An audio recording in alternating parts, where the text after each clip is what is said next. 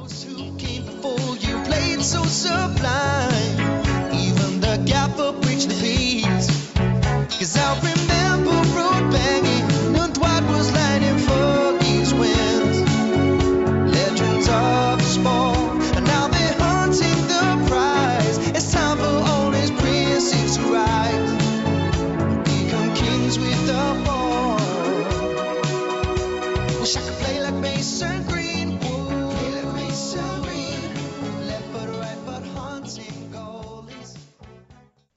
Hallå där!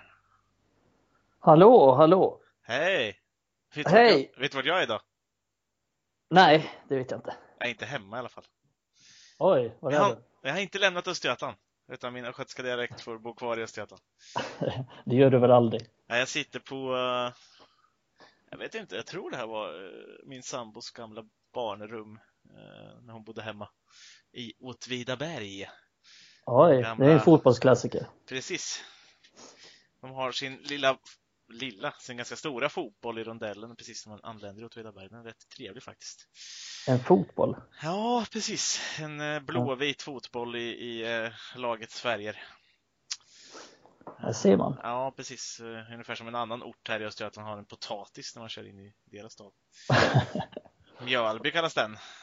Mjölby, Ja, precis. Ligger, ligger längs E4 och har passerat Linköping på väg mot Jönköping. Eh, det var dagens geografilektion, kan man kalla det. Ja, nu har jag lärt mig det. Ja, precis. Men vi är inte här för att prata om geografi eh, och inte vart jag befinner mig heller, i och för sig. Eh, Utan vi är här för att prata om ditt kanske käraste ämne rörande Manchester United, skulle jag säga. Ja, många kära ämnen i United. Det, det är nästan så att det är mitt käraste. Ja. Ja, Det har blivit så. precis. Och det, ni som har klickat på avsnittet och eh, valt att lyssna, ni förstår ju att det handlar om ungdomsspecialen som vi annonserade här härom, häromdagen. Annonserade den på onsdagen. Spelar in den torsdag. Ni kan lyssna på den fredag. Det är ju trevligt ändå, tycker jag. Och vi gjorde en sån här förra året, så den vart väl ganska omtyckt, tror jag. Jag Ja, det var ganska många positiva reaktioner på den i alla fall. Och det var kul. Så då bestämde sig jag och Mikael för att köra igen och så lämnar vi Adam utanför. Eh, Det blir bäst så. Ja. Det blir bara massa jävla skit när han är med. ja, efter hans uh, argsinta eh, medverkan i föregående poddavsnitt som ni definitivt bör lyssna på så, så, så fick han ta en liten, en liten break här nu Adam. Ja, då passar vi på att snacka skit om honom också när han inte är Ja, med. precis. Sen får vi väl höra sen när han lyssnar på det här sen.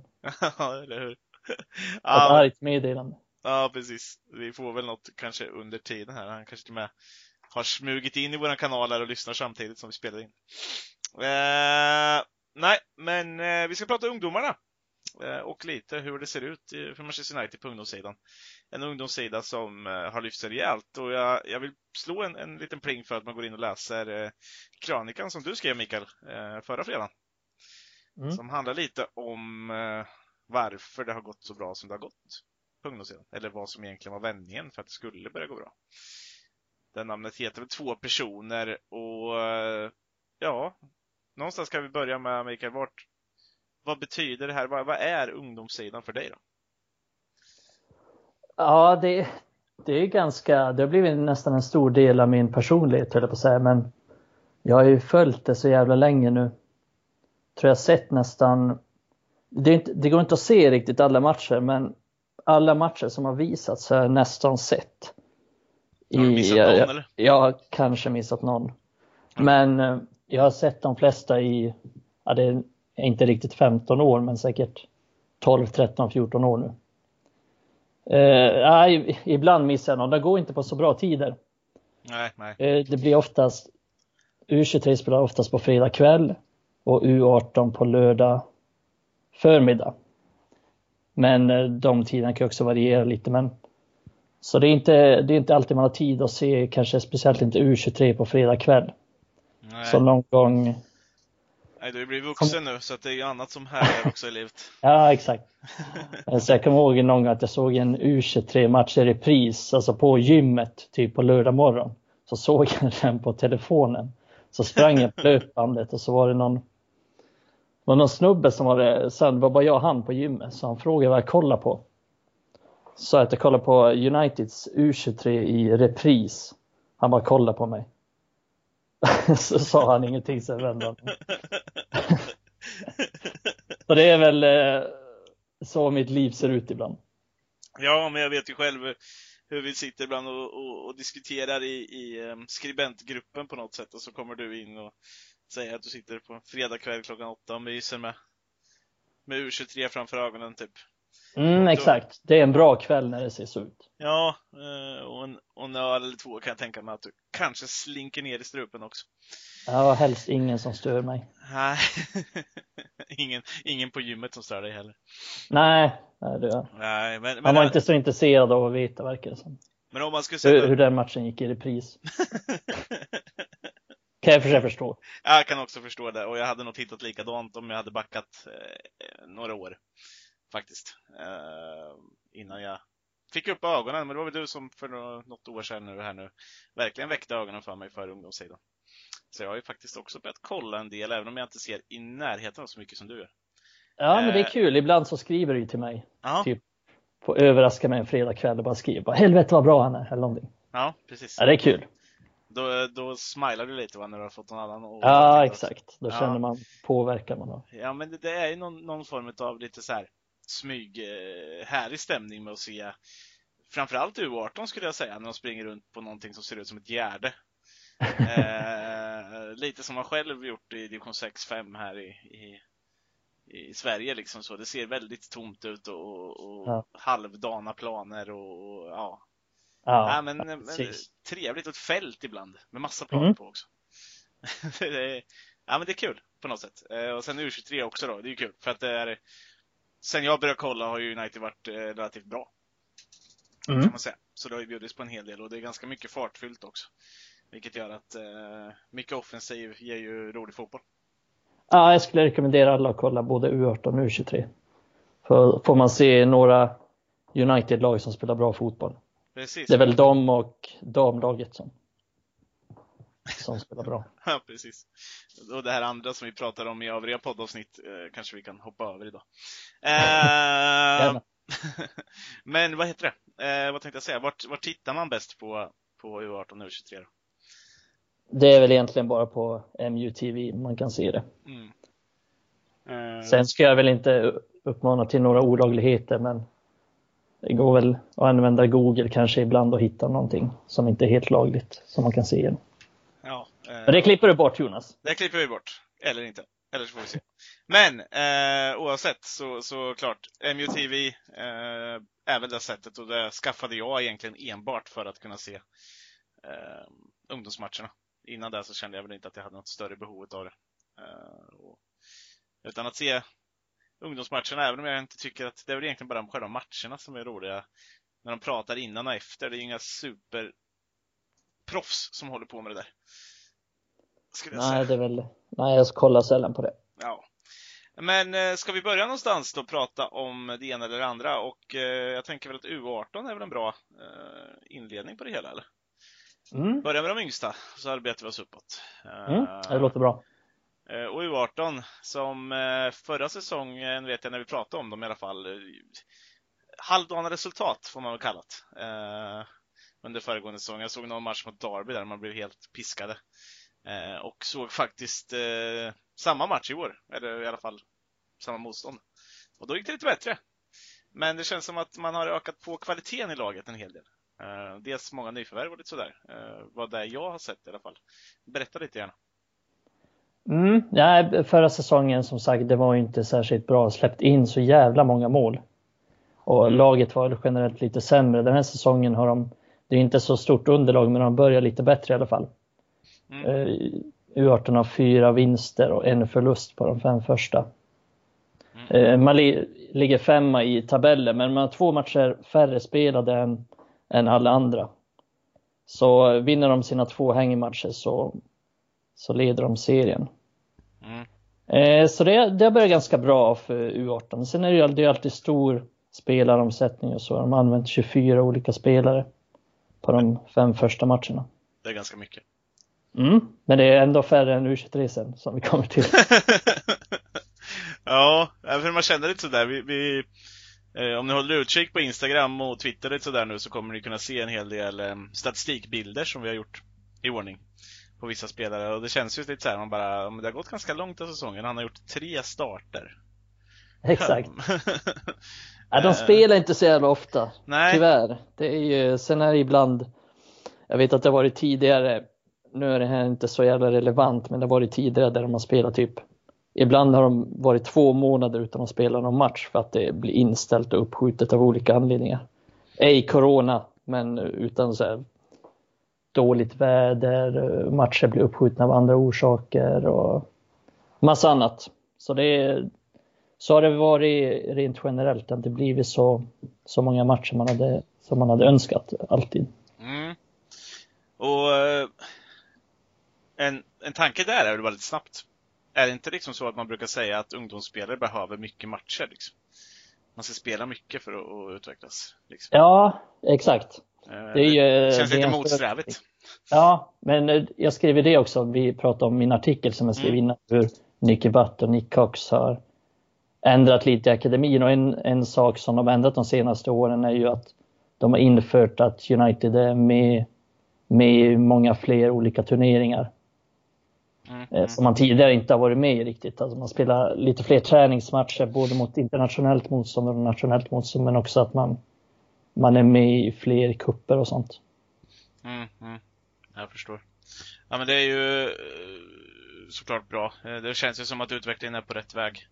Men mm. om vi tar den här säsongen då och tittar lite på de spelarna som framförallt huserar där nere så är man ju väldigt intresserad av nyförvärven och jag, jag vill bara börja med att se vad du tycker. Men det såg ju otroligt intressant ut med de två resliga herrarna eh, framför målvakten, så att säga. Eh, där vi har två eh, mittbackar som, som inte är det kortare slaget, så att säga.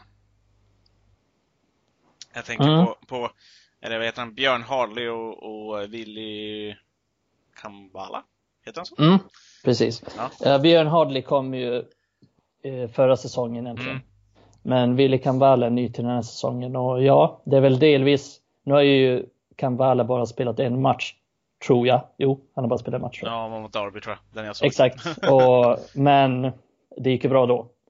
Ja. Men eh, ja, så generellt är ju försvarsspelet mycket bättre nu. De har bara släppt in fyra mål på fem, på fem U8-matcher, vilket är det låter inte helt fantastiskt, men det är egentligen helt fantastiskt på den nivån. Mm, för det, det känns som det blir en jävla oftast, massa mål alltså. Ja, precis. Och de satsar ju ganska offensivt oftast, men ja, eh, försvarsspelet har blivit mycket bättre. Och jag såg en intervju med Neil Ryan som är tränare. Mm. Han sa att de, de har jobbat mycket på det. För förra säsongen släppte man in extremt många mål på fasta situationer. Mm. Och nu har man försökt jobba bort det lite och liksom mycket, mycket så med andra bollar och, och vara mer noggranna på, vid sådana lägen. Och det tycks man ha jobbat bort lite. Absolut. Och sen när jag tänkte på de två precis är det ju någonting som kanske saknas uppåt i leden också. Eh, resliga mittbackar som ändå verkar hyfsat rörliga. Ja, de verkar det och just eh, Hardley och Kambala. Eh, de, är, de är båda ganska resliga men de är, de är båda rätt snabba också. Det fanns mm. situationer i matchen mot Derby där Kambala var ganska långt efter anfallen men han är fatt honom och tryckte undan honom. För han var både jag tror inte Kambala kommer spela så mycket i U18 den här säsongen utan kommer snabbt flyttas upp till U23 för han är, han är väldigt fysiskt stark och fysiskt snabb och United betalar ju mycket för honom också. Så det är enormt stor talang. Ja, det är ju vad man läste liksom för att han kom där och det kändes ju lite som en, en eh, Hannibal Meshbri-värvning av något slag. Ja, men exakt. Det, det är ganska likt den värvningen. Mm, Fransman också båda Ja, men precis. Och eh, är det där en grej liksom? Eh, om man tittar på de här nyförvärven till Kambala, Meshpri med flera. Uniteds liksom framtåg på ungdomsmarknaden. Känns som att de har tagit eh, sju steg framåt i att vara populära, att ungdomar vill komma. Liksom. Ja, eh, tidigare var det mycket så att United förlitade sig på att man är Manchester United och att folk därför ville spela för dem. Ah. Och, och det straffar sig hårt, alltså både lokalt men också internationellt. För lokalt blev det ju så till exempel att, ja, nu kan jag dra till en parallell, vi kommer säkert prata mer om honom sen. Eh, Charlie McNeil lämnade United när han var 11-12 eller någonting Ja, för precis. City. Trots att han är stort United-fan. Och sen skrev jag också det i artikeln om att Robbie van Persie och Darren Fletcher och Phil Neville med flera hade sina söner i City istället för United. Mm, mm. Så man har ju verkligen varit, man har haft en lite, man säga, arrogant ton kring det. Att men vi är Manchester United, vi behöver inte göra någonting för att folk ska komma hit.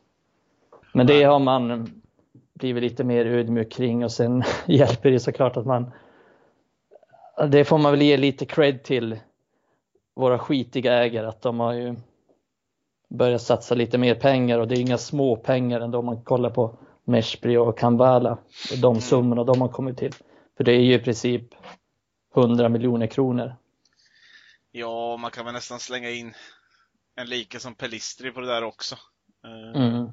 Det är också en ungdomsspelare som säkert kommer göra en del U23 innan han, innan han går uppåt, så att säga. Mm. Eh, Även om han räknas med i A-laget redan. Eh, Men om vi fortsätter U18 då. Vad har du, alltså Vad har vi för spännande på gång där om man tittar överlag i truppen? Jag har sett några namn som vi har blinkat igenom tidigare, men till exempel en sån som var skadad förra året, Noah Emmeran. Och Mari Mm. Forsson finns väl där också. Mm. Eh, och sen den nyss nämnde Charlie McNeil eh, som hade gjort en helvetes massa mål, ursäkta språket, i Manchester City. Ja, han har gjort extremt bisarrt många mål, Shirley McNeil.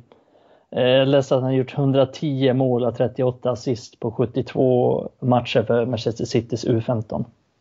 Det är helt stört. Jag läste något om 600 mål totalt, eller någonting så här i ungdoms... Ja, under hans tid där, under Ja. hans tid i ungdomsakademin från, han har ju varit där sedan han var 12 till, Men det är bisarra siffror alltså. ja, till, eh, ja, han är ju väldigt talangfull och det fanns ju klubbar som ville ha honom, till exempel Juventus och tror att det var eh, RB Leipzig som ville ha honom också. Mm. Så han var ju definitivt eh, väldigt eftertraktad innan han, lite oväntat, för det verkade länge som att han skulle gå till Juventus. Men så kom det en sen vändning där han skrev på för United. Och det är ju för att försvara de siffrorna lite så han, han är ganska fysisk, ganska stor så att har man de egenskaperna i ung ålder då kan man göra ganska många mål på så här U, U14, U15 nivå men det ska inte ta bort någonting från att han såklart är en enormt stor talang. I sin U18 debut med United, han har ju bara spelat två matcher. Så gjorde han två mål i sin första match. Så det är klart att det är en, en stor talang och en stor anledning till att United har börjat bra och förmodligen kommer tillhöra toppen också.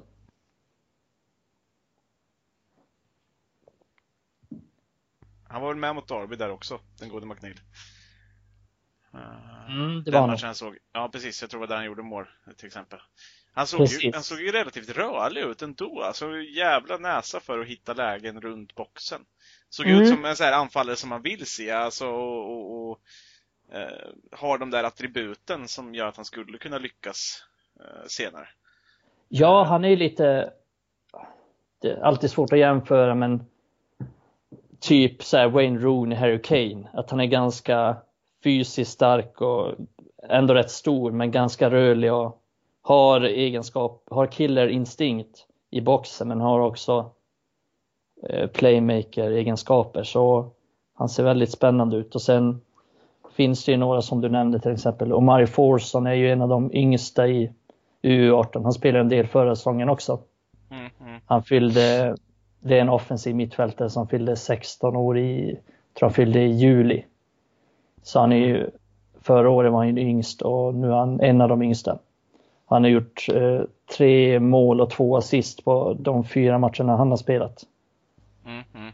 Så det finns ju en, han har varit i United i några år. Jag tror han var i Spurs innan Ja, okej. han kom till United. Mm. Han har varit i United i några år, så det finns ju många spännande spelare som dels har kommit in nu, men som också har varit här sedan tidigare. Mm. Ja, men det, det, det ser ju, det är ju som sagt, det är ju roligt att se dem. Sen så måste ju alla förstå tror jag att det är ju väldigt långt från att jag tycker att jag och du sitter här och tycker att de ser bra ut nu till att de faktiskt är med i någon form av Manchester United A-lagstrupp. Ja, så är det ju alltid. Och det... Eh, de har ju ett helt U23 att ta sig igenom innan och, och en bit väg till. Ja, sen är det det med, med talangutveckling. Man ska ju de här, det vi ser hos de här spelarna, det ser vi på planen. Sen vet vi aldrig hur det är med deras huvuden. Hur de klarar pressen, hur, mycket, hur villiga de är på att lägga ner tid för att lyckas. Till exempel Adnan Januzaj, som jag älskade. Fan vad jag älskade honom. Mm. Men eh, minns att Nicky Butt sa att han aldrig blivit så besviken på en ungdomsspelare någonsin. Att han hade så mycket talang, men att han var så fruktansvärt lat och inte orkade lägga ner den tiden som till exempel, ja men man tar ju alltid exemplet Cristiano Ronaldo som ett föredöme, hur mycket han tränat, hur han åt, hur han sov och så vidare. Och så vidare. Och nu har ju Adnan Januzaj i och för sig en rätt bra karriär i, i Spanien, i Real Sociedad, men ändå. Han hade definitivt potentialen för att bli en bärande spelare med Manchester United. Ja, han var ju på väg att bli det ändå under uh, inledningen av Moyes där. Som ett mm. exempel. Uh, det var ju det var nästan han som bar United under en, en period där i vilket fall som helst. Ja, då det var det. Ju, då känns det ju som att um, i alla fall offensiven, men då känns det i alla fall som att han skulle kunna man hör sånt här, liksom så.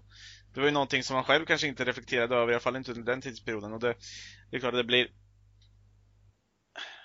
man blir ju lite arg för att man själv känner ju vad man hade gjort för att få, få göra de där grejerna som de här spelarna gör. Mm. Uh, och man ser ju hur långt talang kan ta en. Han har tagit en till Real Sociedad. De har säkert mognat en hel del sen, sen de där åren, men, men, uh, men ändå liksom. Och det, det, krävs ju mycket från de här andra ungdomarna också. Ja, det är väl det, om man ser på de bästa spelarna i världen så har de båda delarna av spektrat. De har både talangen i fötterna men de har också främst viljan och drivet att bli bäst i världen. Mm. Exempel Ronaldo. Ja. Lätt exempel att ta upp så att säga. Mm. eh, om du får lyfta någon mer då ur U18-truppen sådär på, på rak arm. Ja. Svårt. Det finns ju en del eh, bra spelare. Det är väl eh, främst det beror ju alltid på, på var, var man ska räkna den spelaren till så att säga. För det är ju mm. det är flera som spelar med både U18 och U23. Och, ja. Men om vi säger bara U18 så är det väl främst, jag gillar ju Omari Forson som vi nämnde och sen Charlie McNeil behöver definitivt nämnas. Och sen är det ju många nya spelare som, som precis har kommit men som inte har hunnit sätta så stort avtryck. Och det är ju till exempel Willy Camvala som inte hunnit sätta stort avtryck. Eh, Mark Jurado som kom från Barcelona, en högerback. Mm. Och kanske Isak Hansen som kom från Tromsö, ja, truppens yngsta spelare. Mm. En offensiv mittfältare och sen Ja, det är väl, det är väl de mer eller mindre. Mm. Och sen Noah Memoran som jag nämnde där också, tycker jag ser jävligt spännande ut, om inte annat. Även om han Ja, jag är fan lite osäker på honom. Alltså jag tycker han är bra, men jag... En sak som jag tycker han saknar, och det kan vara så att det är helt åt helvete fel, men jag tycker att han saknar den lilla extra snabbheten. Men det är kanske för att jag är så van att se Elanga. Ja. Så att jag tycker att alla känns långsamma Men äh, han är utan tvekan snabb, men jag tycker att han saknar det lilla, lilla extra steg, klippet i steget. För han är också en, Noam Emran är ju en um, ytteranfallare kan man säga. Ja. Vänsterfotad. Han, också, han har inlett bra i U18, så det är, men han är också en av U18s äldsta spelare, så han ska vara bra där. Noam ja. Emran kom till United uh, inför förra säsongen, men var skadad i princip hela säsongen. Mm. Så han har, det är först den här säsongen han har börjat spela på riktigt. Precis. Eh, det får man väl också ta med sig i beräkningarna då. Eh, en skada i den där åldern är ju inte att förringa heller.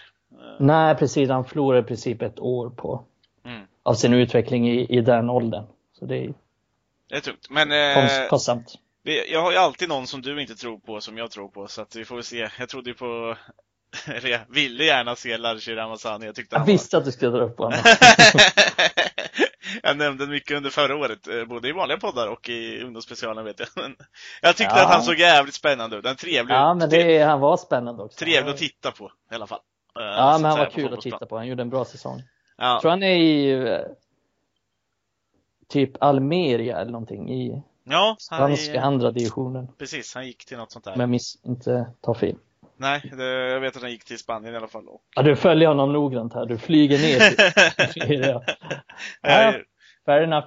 Largy, Largy fans vet du. Det, det bildat av Jonas Andersson i, i Norrköping.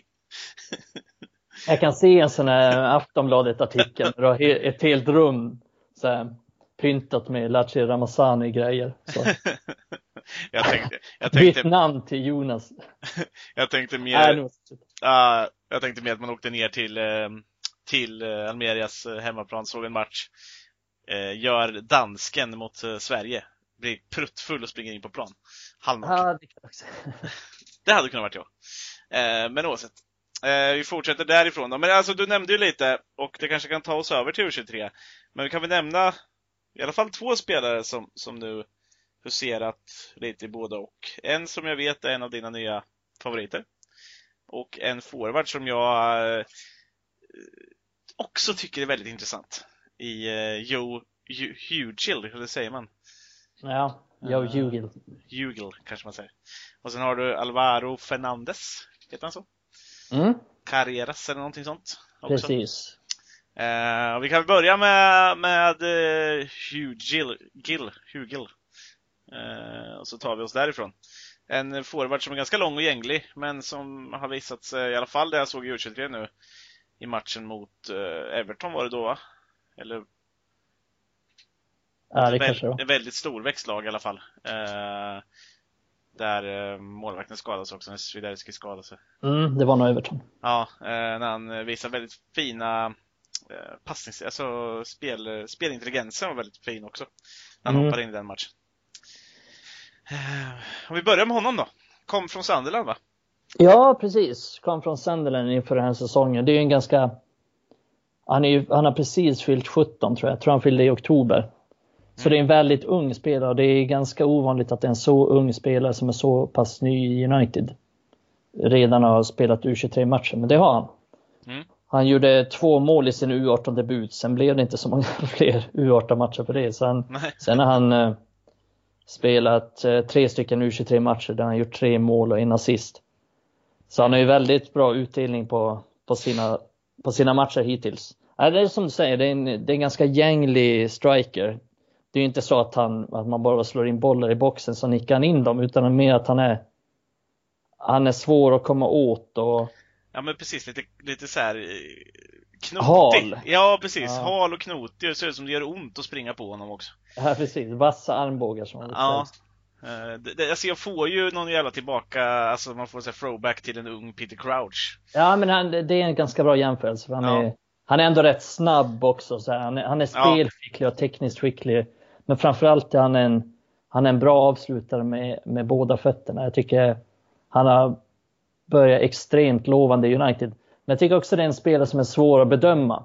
För att Absolut. han har ju de fysiska egenskaperna där jag, och jag funderar liksom så här bara, vad ska det bli av honom i framtiden? Det är klart, han kommer bli en nummer nio, en striker. För han har storleken och han har, han har redan nu eh, egenskaper för att, för att göra sig bra på U23-nivå trots att han nyss har fyllt 17. Så det är Mm, klart, mm. det kommer bli hans position, men jag tycker han är svår att bedöma hur bra han kommer bli. Med, Ja, men med ja. Det, det är ju en sån där spelare som man, jag skulle kunna slå vad om redan nu. Det är en sån som kommer krävas eh, utlåning på. Eh, att han visar sig bra i Championship och så och gör en del mål där innan han kommer få någon chans inom Premier League. Sen om det blir United eller inte, men jag skulle nog kunna tänka mig att det skulle vara en framtida Premier League forward på ett eller annat sätt. Ja, men det blir jag inte alls förvånad över om han blir. Nej. Eh, sen krävs det nog en hel del just för att han ska bli eh, Man United. Eh, Ja, det, vi får ändå komma ihåg, det är den kanske den svåraste positionen att slås in på i United. Om man ska vara, ska vara striker. Och vi, jag kan ju bara dra en parallell där, jag vet inte om det är fakta, men som jag förstod det så lämnade till exempel, så har två ganska talangfulla anfallstalanger lämnat United de senaste två åren bara för att typ Mason Greenwood kommer fram och det, det är ju liksom, vad ska man göra om man är så, om man är ungefär i Mason Greenwoods ålder och så kommer han upp samtidigt. Man, det är ju knappt så att Mason Greenwood får spela striker. Det är klart att de inte kommer få spela striker i United då. Nej, gud Så Odubeko gick till West Ham till exempel och gör det jävligt bra där. Även om han inte har fått någon A-lags speltid än tror jag. Nej, men däremot så kanske det är närmare upp till A-laget i alla fall än vad det är i, i Precis, United. precis. Och det, är, det, det får man ju ta i beaktning att det är många som tänker på sin karriär i det, i det skedet och det handlar inte bara om att de inte gillar United eller så utan mer att de är realistiska kring sina chanser. Mm. Precis. Och så får du väl fortsätta då med eh, mannen vars utseende, eller pojken vars utseende du har lärt älska, har jag förstått. Ja, jag älskar Alvaro Fernandez. Det är definitivt en ny favorit och jag kommer, jag har redan börjat tjata om honom på Twitter och jag kommer tjata om honom. Han kommer bli en ny jag tjatar om, helt enkelt. Mm. Jag har lämnat Greenwood nu. Han är, Han är han är, han är släppt från mina vingar här. Han är, han är redo att klara sig själv ute i den stora världen. ja, precis. Nej, men det är Alvaro Fernandez. Han kom in för den säsongen från, eh, från Real Madrid. Så Mm. det är en vänsterback som är, han är 17 år gammal. Mm. Han är lite speciell vänsterback, för han är inte en sån här klassisk vänsterback som om vi tänker Alfonso Davis som kommer fram i Bayern München. Nej. Som bara flyger fram på kanten, utan han är mer en, jag vet inte, typ Sergio Ramos kom ju fram som högerback. Ja. Också i Sevilla tror jag, innan han gick till Real Madrid. Men han har väl lite samma, samma stuk. Jag, jag har jämfört Alvaro Fernandez med Daley Blind. Ja. Alltså helt enkelt en spelare som är väldigt graciös i sin stil. Har, är ganska stor, Mm. men har liksom så här, har väldigt bra touch, väldigt bra spelsinne. Väldigt graciös som jag sa i sin stil och har många egenskaper. Väldigt smart spelare som sällan slår bort en passning, alltid tar smarta beslut. Men som också bidrar åt båda håll och jag kan se Fernandes vara bra i en trebackslinje som mittback. Jag kan se honom vara bra som wingback. Jag kan se honom vara bra som innermittfältare. Så han har, han har många egenskaper för att kunna bli en riktigt, riktigt, riktigt bra spelare. Ja. Eh, han har ju redan, han har redan, han börjar också i U18. Eh, jag tror han, det var i debuten han gjorde mål till och med. Mm. Med högerfoten och sen spelade han, sen han spelade, kommit upp lite med U23 så har han gjort mål i U23 också. Båda, ja, båda med höger, höger, högerfoten. Så han har två, två bra fötter också. Han har bra inlägg med vänsterfoten, han har bra skott med högerfoten. Och... Nej, jag, jag gillar honom och jag kan verkligen se honom fortsätta utvecklas och jag kan verkligen se honom få en chans i A-laget inom de närmsta åren. Nu är det ju så att man får ju alltid tänka på att United har många bra vänsterbackar och Brennan Williams kom fram som vänsterback nyligen. Mm. Och Tejes är köpt, Luke Shaw finns. Eh, dessutom finns Reece DeWine som har spelat mycket i U23 som är väldigt bra också. Så det är en svår position med tanke på att han har många konkurrenter där om speltiden. Men Ja, men precis. Men jag, jag, jag måste hålla med dig, det lilla jag har sett utav honom. Eh, till exempel så spelade han ju en hel del mot, eh, i den här matchen mot Everton eh, med U23. Eh, jag gillade under 17-åring ändå, för om man säger någonting om det Everton-laget som United ställdes mot så var det ett ganska gammalt U23-lag. Eh, Mm. Och en hel del spelare över 20 år. Eh, till skillnad från United som hade de flesta runt 18 ja, och yngre då. Med att både Fernandes startade och Jugel hoppade in. mm, och jag gillar hur en sån spelare ändå går in och klarar av det fysiska spelet, för det skiljer ganska mycket under den där perioden och det där är ju någonting som för mig talar för att en spelare har väldigt stor chans att lyckas. när man ändå har det fysiska spelet. Och som sagt, som du säger, jag gillar hans lugn med bollen, hur han eh, liksom för sig med bollen. Mm. Att det liksom inget överst, inget stressat, det är kloka beslut. Eh, Ja, verkligen. samtidigt finns det kvalitet i liksom det han gör. Så det där är absolut någon som jag tror skulle kunna vara en potentiell eh, ja, konkurrent till A-lagsplatserna framöver. Ja, men Kanske- kan du också se, liksom, som jag ser i de här få, få matcherna bara, att han har egenskaper för att till exempel kunna spela en trebackslinje som mittback. Till exempel spela på mittfältet. Mm. Alltså Jag, har, jag gillade verkligen, för han har ju längden och jag tyckte inte hans huvudspel är något bedrövligt heller. Det är inte det bästa i världen, men, men eh, precis som du säger, jag- jag skulle absolut kunna se honom i en sån där Luke Shaw-position som vänster, precis. eh, vänster mittback. Eh, Daily Blind, precis som du nämner. Men även som någon form utav ja, ankare med bra spelsinne. Mm. Eh, Han är ju, jag jämförde honom lite med Luke Shaw tidigare. Mm. Innan, alltså när han skrev på för United precis. Han har lite sam, samma så att han har samma kloka passningsspel och samma lugn med bollen, liksom så här bra uppspelsfot. Men också vad som, slo, vad som har slagit med att han är en, han är en jävligt bra dribbler. Precis. Så Det han har enormt många intressanta egenskaper för att Han har det sköna flytet med bollen. Ja, Just det där att han han är- kan glida förbi spelare. Eh, Precis. Som jag har sett i alla fall. Det lilla jag har sett av honom så känns det som det.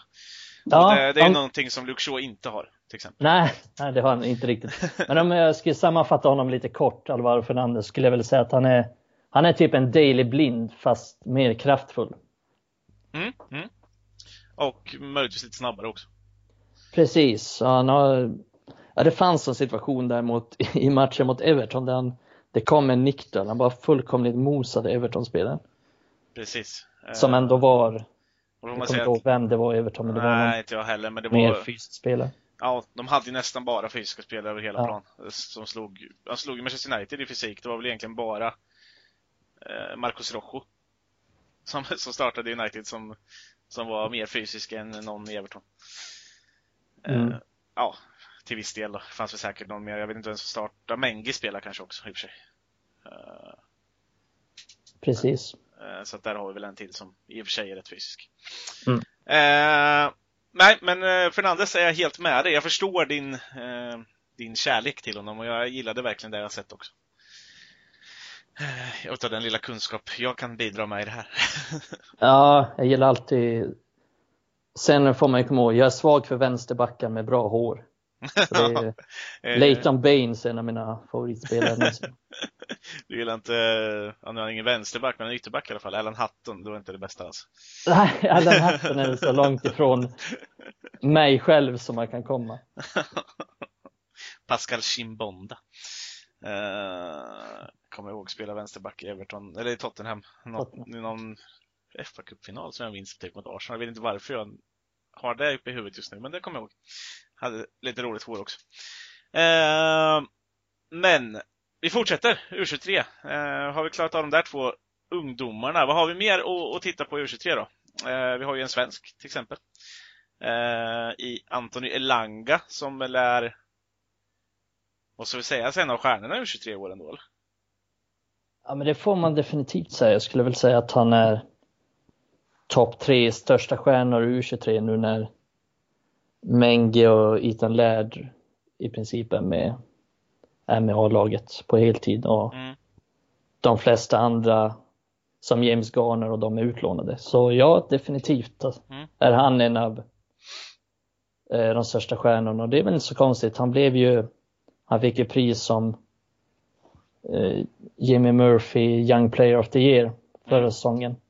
Och kollar man på de som har vunnit det de senaste fem åren innan honom så är det ju Axel Transebe, Marcus Rashford, Angel Gomez, Tate Chong och Mason Greenwood. Mm. Så det är inga dåliga killar han som har vunnit innan. Och, så han ska ju vara en av de största stjärnorna nu 23 och det tycker jag väl att han har uppfyllt så här långt. Ja, och, och det som slår en direkt när man ser honom är ju dels drivet med bollen men också den explosiviteten han besitter. Alltså, det är inte många som har den. Han är så som- extremt jävla snabb. Ja, Och han är- löjligt. och han är inte så liten heller. Han har ju ändå Nej. kropp och fysik till fördel fast han är så här snabb. Ja, det är, inte, det är inte många som trycker undan honom, det är det inte. Nej. Eh, och, och sen en hyfsad balans på det och okej avslut. Alltså, Mm. det ger ju en, en, en ytterforward som har all potential i världen att lyckas. Ja, så för så här, svensk del så ser det ju extremt positivt ut. Sen eh, behöver det inte betyda att han kommer att bli en då kan vi ta parallell som jag tog innan också, att hur svårt det är att lyckas på den positionen i United. För säga, eh, Elanga trivs bäst som en ytterforward till vänster. Mm. Sen har han spelat en del som striker i, i U23, men ja, alltså just nu är han inte, han är betydligt mycket sämre centralt än han är på kanten. Ungefär som Rashford är också. Mm. Så det är, då får man ju tänka på att det är Rashford han ska konkurrera ut. Och kommer han någonsin göra det? Nej, förmodligen inte. Nej, och då Men- kan man tänka på hur ung Rashford fortfarande är också. Ja, precis. Rashford har precis fyllt 23 va? Ja. Det är, det är, det är en svår nöt att knäcka. Det, är, det krävs ju så otroligt mycket och, för att slå sig in i United, men han är definitivt den tillsammans med en två andra som har störst potential i, i U23 just nu att nå A-laget och säga att säga att vi får två skador på till exempel Rashford och Martial till Mm. exempel. Då är ju han den ungdomsspelare som kommer upp och tar den platsen. Utan tvekan. Ja, men visst känns det så. Alltså med, med eh, Tai Chong utlånad och lite sådär. Precis som Mm. du säger. Och Det borde ju, alltså det luktar ju ändå att ligacup, FA-cup skulle kunna ligga hyfsat nära för honom att kunna bi- bidra i. Han, eh, fick, Ja. ju, han fick ju med i den här försäsongsmatchen. Mm. Tillsammans med, åh vad heter uh, innermittfältaren där? Eh, Ethan Galbraith. Just det, Galbraith var det ju, som också eh, bidrog i den. Mot Aston Villa. Uh, United torskade. Mm. Men det var ju liksom så här, det, det visar väl ändå lite. I och för sig många spelare borta, men att det är de som, vissa spelare som är lite närmare än andra. Ja, precis. Det säger väl en del. Jag tycker att det är en bra värdemätare på vem faktiskt som är närmast och det reflekterar ju verkligheten på ett ganska bra sätt och han är ju definitivt den som skulle få chansen att säga att han kom upp och hade den statusen han har idag förra året.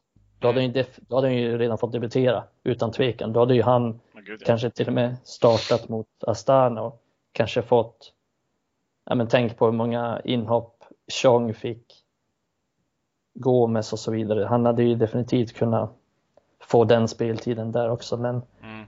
den här säsongen är det lite svårare för Solskjaer har inte använt någon ungdom egentligen den här säsongen och eh, Nej.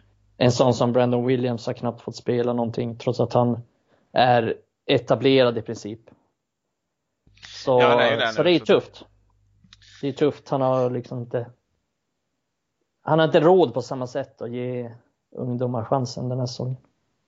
Nej, det där kan man ju alltid diskutera och det kanske vi kommer in på här nu också. Men, men eh, det är ju lite synd samtidigt som att det är bra. Alltså ungdomssidan växer och blir bättre. Samtidigt som A-laget också blir bättre, vilket är väl kanske det som är meningen. Mm. Eller A-laget blir bredare rättare sagt. Sen har vi inte sett så mycket på plan. Men, men, eh, men truppen finns ju där om inte annat. Och, och det finns ju redan en hel del ungdomar med där. Som du säger, Lärd och Menger redan med och tränar. Galbraith är väl också med och tränar va? Ja, inte just nu men var han inte där? Jag tyckte jag läste något, eller var det bara på G att han skulle flyttas upp? Nej, men det är väl eh, lite med corona nu att de Ja. inte, de mixar inte särskilt mycket och det var ju till exempel när Williams och Mengi och Rojo de spelade med U23 så, så reste de inte ens med, med samma buss till matchen utan att de och de var till och med separata omklädningsrum, de hade till och med separata team talks. Tränaren Neil Wood gav matchsnack till liksom hela truppen förutom Williams och Rojo och Ja. Pelistri och Mengi och sen satt, sen satt de fyra i ett, i ett rum och fick instruktionen efteråt. Så det blir, ja, det blir lite tokigt så här nu men ja.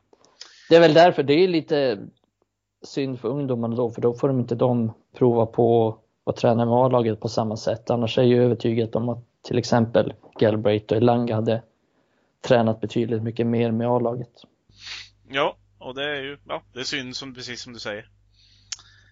Eh, vidare där då, vi måste väl ändå nämna, eh, jag tänker att vi lämnar Mengi och de här spelarna lite utanför. Eh, de är ju som sagt redan uppflyttade. Så vi fokuserar mm. lite på de andra som kanske inte alla har lika bra koll på. Men Hannibal Meshbri måste vi väl nämna på ett eller annat sätt. Tänker jag. Ja, det, det är väl oundvikligt att vi, ja. att vi gör. Nej, med tanke på, på den prislappen som jag nämnde innan att han kom för ungefär 100 miljoner kronor från Monaco. Eh, som 16-åring, det är ju inte... Jag tror till och med att han kan vara den dyraste. dyraste sex, en av de dyraste 16-åringarna någonsin. Ja, jag läste något om det där också. Så det är, det är klart att han att han får mycket press på sig, mycket hype på sig. Sen ser man honom spela också så är han ju lite överallt och ingenstans på planen. Han är ju någon slags allround mittfältare som kan spela sexa, kan spela åtta, kan spela tia på mittfältet. Han är väldigt dynamisk, rivig i sitt, i sitt spel. Han är alltid händelsernas centrum. Mm. Så det är, det är klart han, och med det håret också så kommer han få mycket, Precis tänkte säga det. kommer han få mycket uppmärksamhet. Men han syns ju. Alltså man, han syns. Man kan ju inte undvika honom. Om man tänker så här, Galbraith är ju till exempel en liten spelare som, som är ganska anonym ändå, även om han har mycket boll.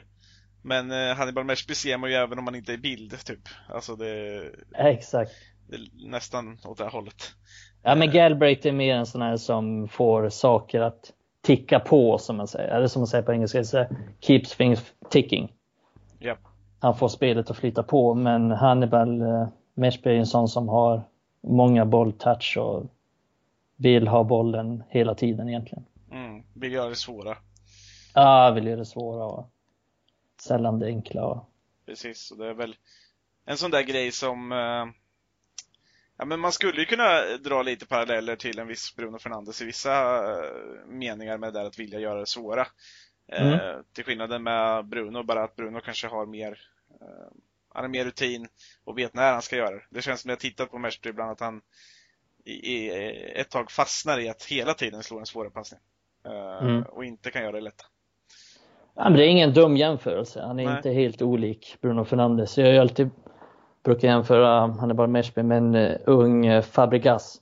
Så att mm. han är väldigt mångsidig som mittfältare och ganska kan spela lite fult och vara lite, gör lite fula grejer och åker själv ut för många fula tacklingar. Och... Mm. Ja, men som sagt det händer saker kring honom. Han har, han tycker han har börjat den här säsongen bra också. Precis, och han har rätt temperament, skulle jag säga. Mm. Lite också Bruno Fernandes. Alltså det här, en del älskar det, en del hatar det, men på något sätt så är det det som ger någonting också. De vill vinna, de vill göra sitt bästa hela tiden. Vill att laget kräver en hel del av laget, känns det som. Ja, verkligen. Han känns som en han känns som en ledare på planen faktiskt. Han är, en, han är lite Bruno Fernandes på så sätt att han, han slutar aldrig springa, han ger och han tar. Precis, och ger tillbaka åt lagkamrater också. Såg vi efter eh, några incidenter vet jag, de jag har sett i alla fall, att han kanske där smäller på den här spelaren som har gett en smäll till en lagkamrat lite tidigare. Ja, verkligen. Eh, om vi tittar överlag då bara med, eh, med U23. De, intressant tycker jag med EFL Trophy, till exempel. De får möta mm. seniorlag. Eh, och där är de nästan redan vidare från gruppen va? De är helt vidare nu. De är för, ja. för det blev faktiskt det igår när Selford mötte Rochdale. Mm. Och Selford vann den matchen så, så då blev United helt klara för att gå vidare. Ja, men annars har det varit lite... De är så jävla ungt lag, det är det som är grejen. Mm. Eh, I matchen mot Arsenal till exempel som slutade 3-3 så hade United en medelålder på 17,7 år i U23-ligan. Mm. Och jämför med, vi med Arsenal i den matchen så hade de en medelålder på 19,9 som var i snitt över två år äldre än United. Och det mm. såg vi, det kunde du också se mot Everton, mm. att de är lite mer fysiskt utvecklade och det har ju blivit jag kommer ihåg United mötte Leicester, jag tror att det var första matchen på säsongen och de var så jävla mycket större. Så det blev något slags, de hade svårt att komma upp i det tempot. United var ju i andra divisionen förra säsongen och nu mm. kom man upp till den högsta U23-ligan så att säga. Precis. Så den har väl börjat helt okej okay för dem. De har vunnit två och spelat två avgjorda och har två förluster och tror de ligger nia av, vad är det, 13 lag tror jag det är. Mm. Så de har, det är väl någonstans jag tippar på att de kommer hamna kring plats 6-7 men det är inte så noga liksom vad man vad man blir där. Det är väl huvudsaken att man spelar bra fotboll och att spelarna utvecklas. Det är väl det som är det främsta målet med, eh, med just U23. Men det är intressant att du nämner EFL Trophy. Det är ju främst där jag ser att United gör resultat. Mm. Och där är väl en turnering till exempel som United inte har velat vara med i tidigare. Som vi nämnde då att United är med i fler turneringar nu. Mm. Men det är en, lite kort så är det en turnering med League 1 och League 2-lag. Yep. Och några inbjudna U23-lag då. Och Exakt. United har ju börjat den turneringen väldigt bra med både vinster mot Salford och mot Rochdale. Nu ska de möta Morecambe i den avslutande matchen och United är som sagt redan vidare till, till slutspel. Ja, och det är lite det där, alltså jag drog väl lite parallellen kanske också för mig själv eh, när jag såg till exempel Everton som såg ut, alltså det är ju ett gäng spelare som kanske inte kommer komma så långt i sina Premier League-karriärer eh, i Evertons lag där. Men de är redan fysiskt utvecklade och såg väl ut som att de skulle kunna vara ett ja, gäng League 1, League 2-spelare. Ja. Eh, och, och därför blir det ännu mer imponerande när ett så ungt lag slår igenom. Och det är samma sak när man sett vissa av de här eh, matcherna i EFL Trophy. Eh, jag gillar verkligen det jag ser. Eh, och att man står upp så pass bra och, och, och faktiskt styr spel. Man sköter ju spelet. Man är det bättre laget. Ja, det är Eh. det som är det är det som är det viktiga tycker jag och det är det som är imponerande och det är att United redan är vidare. Man har ju bara spelat två matcher, två av tre matcher i gruppspel och är redan vidare för att man har vunnit båda sina matcher. Mm. Om vi tar till exempel så är Liverpool förlorat stort i alla sina tre matcher. Och det är ju tufft, alltså möter man så här bra League One-lag och det gjorde United förra säsongen också. Mm. Det blir ju en fysisk utmaning men det, det tycker jag United har utvecklat extremt mycket de senaste åren. Att man har blivit, trots att man är ganska unga så är man, står man upp bättre fysiskt i, de, i den typen av matcher. Men också att de är extremt mycket mer vältränade. Jag lyssnade på en intervju med Neil Wood som är tränare i U23. Han sa att de, de har jobbat mycket på det, på att ha en väldigt hög eh, fitness level. Så att de inte ska, ska släppa till i sådana där matcher. För jag tycker att de står upp extremt bra och, och orkar hela matchen. Och är allt som oftast det bättre laget från minut 1 till 90 mot, mot rutinerade seniorlag och det, det är imponerande.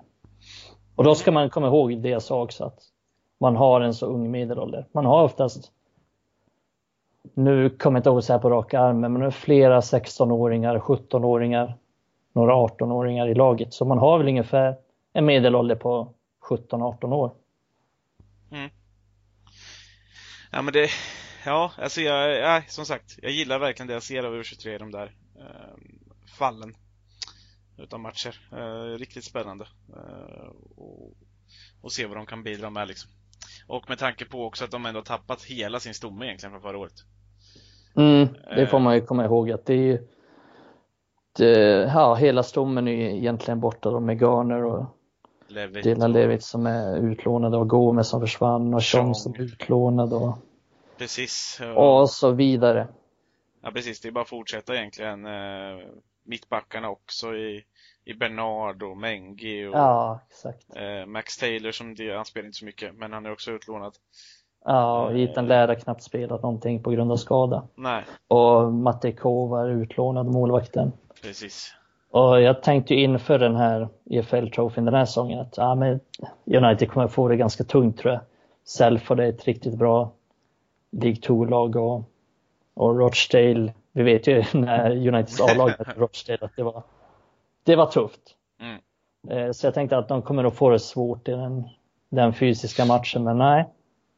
Inte speciellt svårt. De spelar så pass bra fotboll och är extremt drillade i det de ska göra. Och, och som sagt har adderat till den, till den fysiska kampen där de står upp mycket bättre nu. Precis. Eh, och och eh, ja, vi fortsätter med snacket in i lite frågor här. Vi har pratat hål i öronen på er i cirka 54 minuter, men ni har ju varit så snälla att ni har gett oss frågor eh, till den här som vi bad om och det, eh, det är klart att vi ska se till att eh, ni får höra det ni vill. En del har säkert redan fått eh, svar. Jag tänker Patrik Gustafsson, du frågade om Charlie McNeil.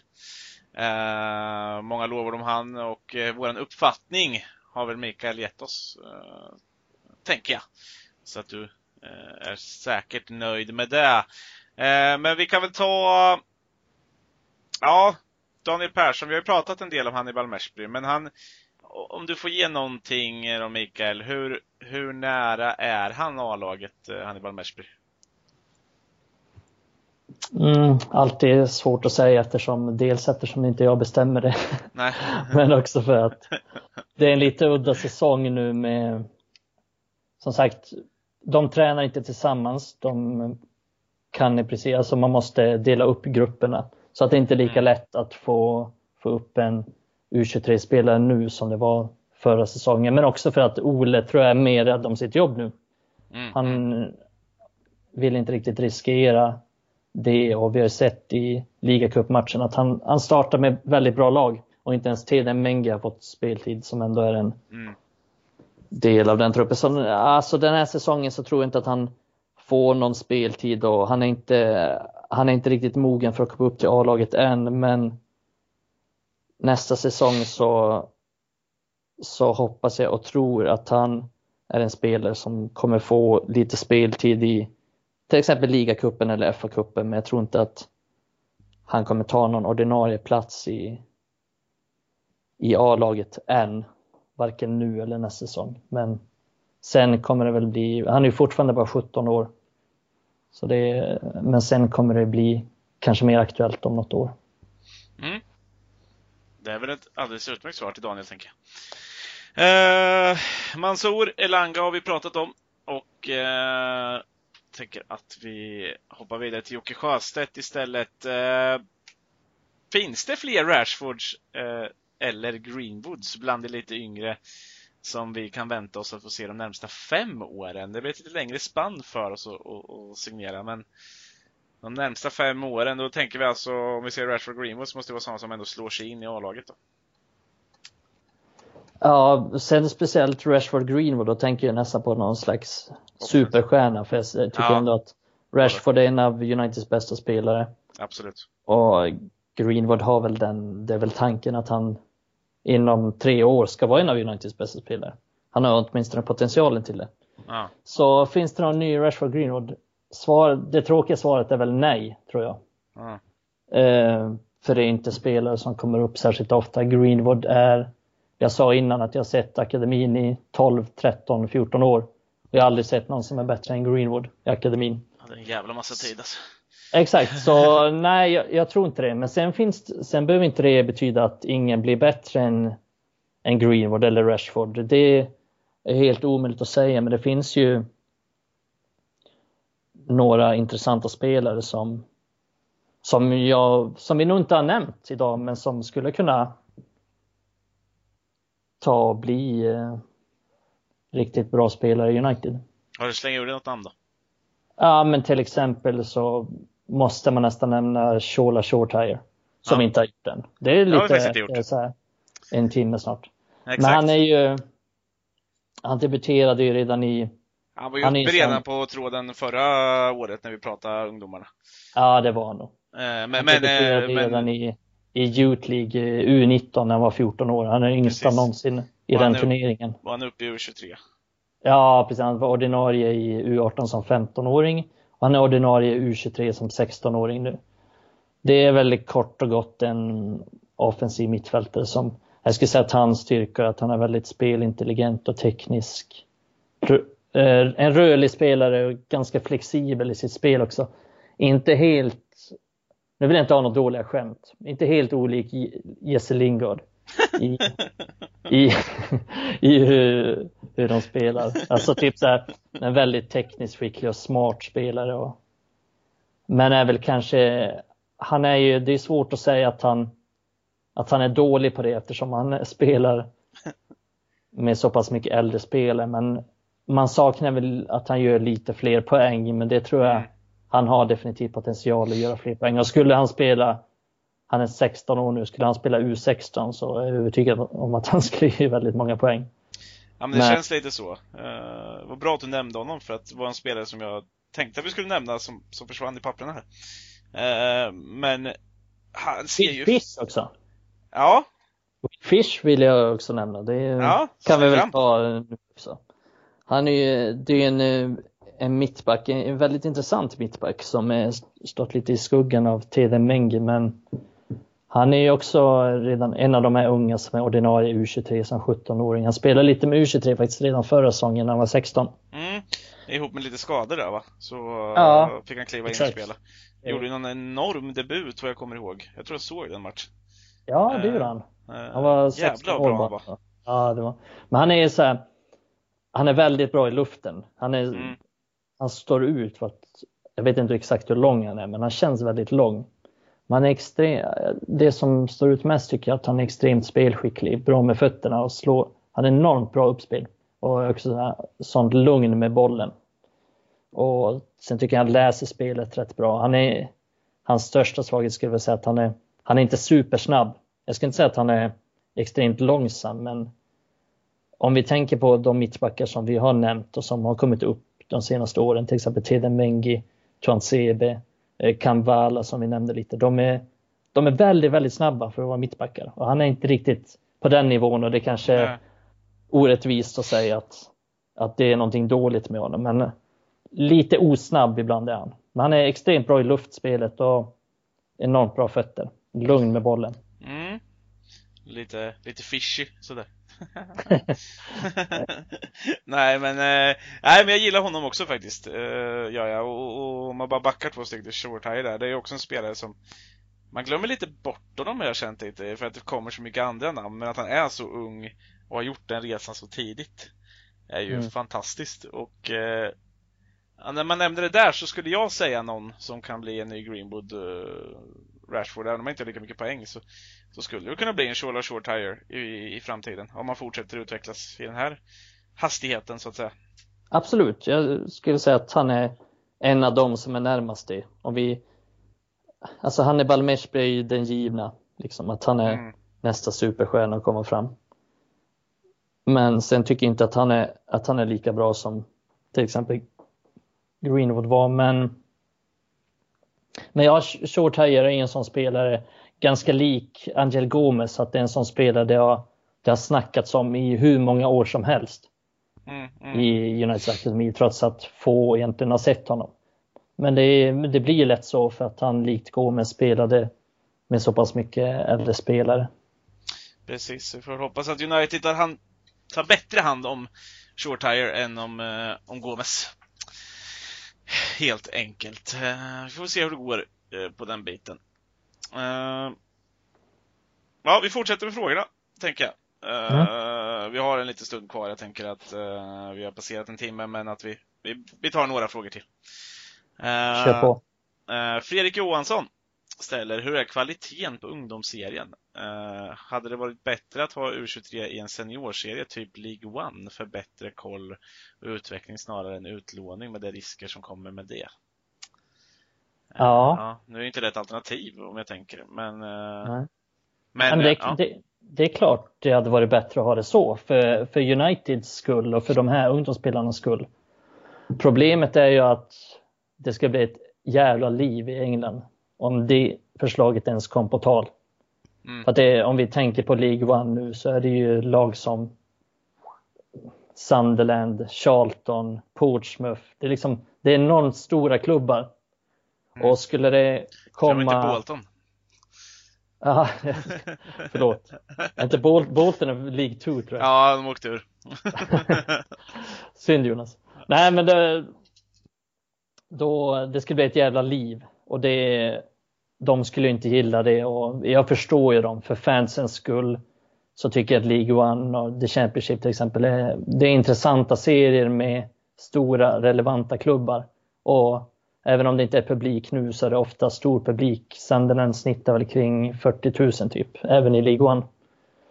Ehm, men om vi ser på till exempel, man kan dra parallell till EFL Trophy.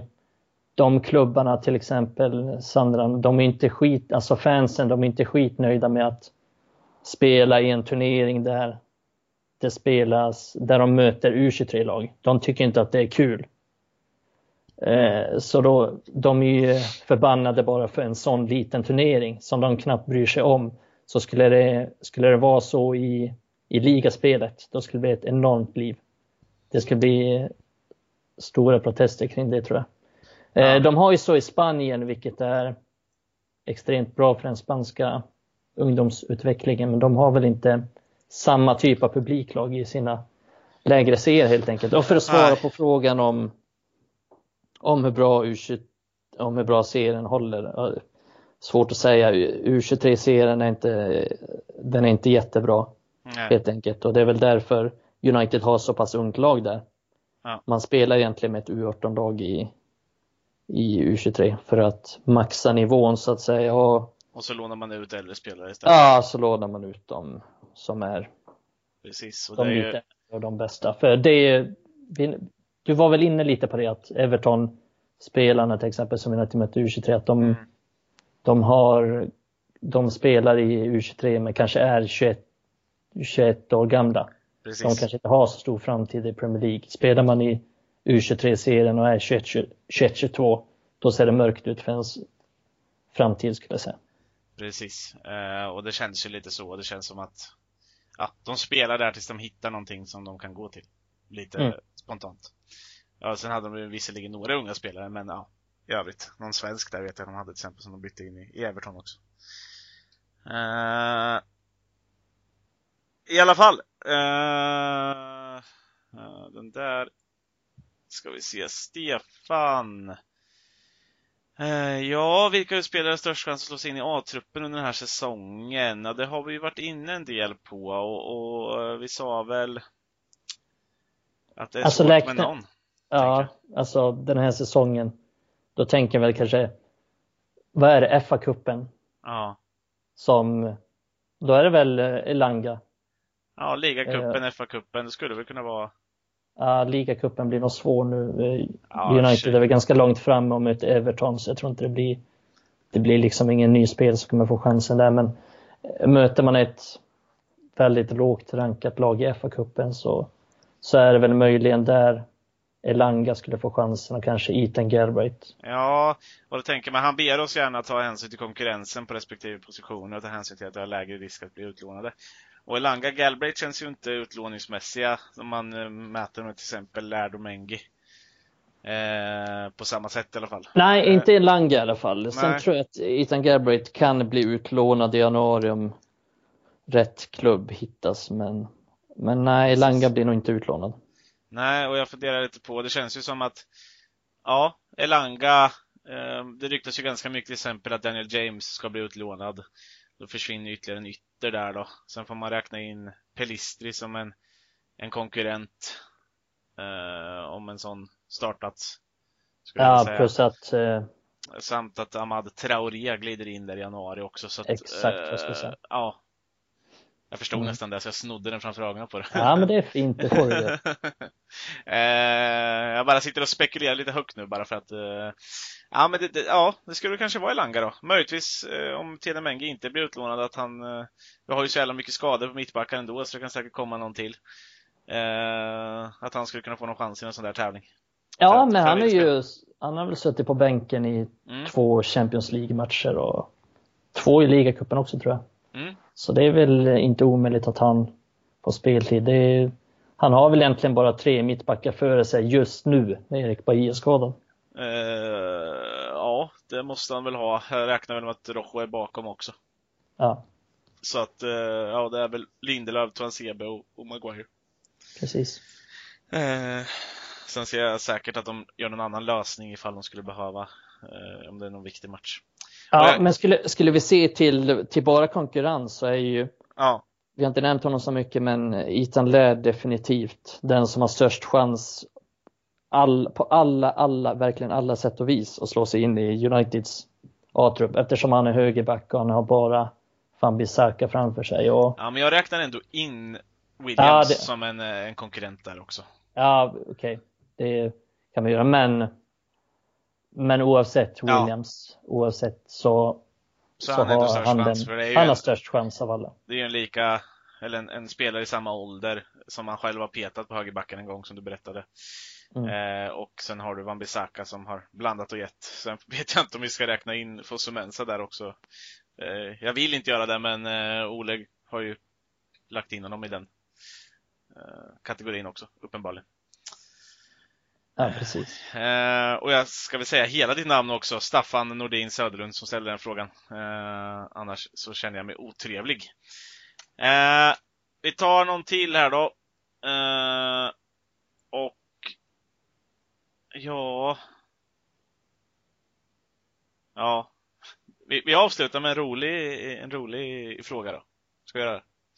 Jag har inte så mycket med allting att göra. Eh, men Adam Hernandez frågar, och jag vet inte om du har koll på det här Mikael, jag har det inte, men varför har Hannibal Meshbri valt att ha sitt förnamn på ryggen istället för Meshbri? Är det något liknande som Memphis Depay situation, varför han har sitt förnamn? Bla, eh, ja. Det vet jag faktiskt inte. Nej, jag har, inte ens, jag har inte ens tänkt på det. Ska jag säga. Nej, jag har faktiskt tänkt på det lite för United benämner honom ofta som Hannibal bara. De Mm. har till exempel på, på hemsidan så står det bara under hans namn så står det inte hela hans namn utan det står bara Hannibal. Jag vet inte riktigt varför men det, jag skulle väl tippa på att det är någonting som, som man säger då med någonting med Memphis. Eh, någonting liknande där. Mm. Ja, det var väl egentligen den sista frågan som vi har som, som inte går in i varandra. Eh, och jag hoppas att du är nöjd med det svaret. Om inte annat så, så kan vi försöka leta upp det och ta upp det i någon vanlig podd där så hoppas jag att vi kan ge dig Adam precis vad du vill ha. Briljanta avsnitt. Avsluta med en fråga där jag inte kan svaret. Ja, det var Men jag måste ju kunna sätta dig på pottkanten också när du sitter och säger att du har sett på de här i 14-15 år så har du inte ens koll på det där. Nej, det har jag fan inte koll på. Det är ångest hela kvällen nu. Ja, jävlar. Nu har jag gjort Mikael till min fiende. Eh, för livet här, känner jag. Eh, nej, men eh, jag är otroligt nöjd med det här. Det är ju jävligt kul att sitta och, och gagga um, ungdomar med dig. Eh, 70 minuter plus eh, är vi inne på. Eh, och ja, jag är nöjd. Ja, men det var, det var kul. Mm. Kul att spela in det här. Som Ja, vanligt. och vi vill väl jättegärna höra era åsikter om vad ni tyckte om, om avsnittet. Eh, ge oss det på, på PM eller i kommentarerna på inläggen och så som vi lägger ut på Twitter, Instagram och, och Facebook så, så, så blir vi supernöjda. Eh, och ja, vill ni ha mer sånt här så, så skriv gärna det också. För, eh, då gör vi gärna det. Jag och Mikael har inget emot att, eh, att kicka ut Adam ibland och köra lite ungdomar. Nej, låta, låta Mr Stenberg vila lite uppe i sitt hem i, i, i sör, Södermanlands skogar. Man får Eh, vila rösten lite. precis. Eh, nej, men jag tackar dig idag Mikael. Eh, Tack själv. Så hörs vi, eh, ja, nästa vecka med ett vanligt poddavsnitt. Men eh, kom ihåg att, eh, att lyssna på det här först och eh, sprid det gärna vidare till alla som ni känner och eh, beundrar och eh, hatar och allt sånt. Så hörs vi. Bye bye.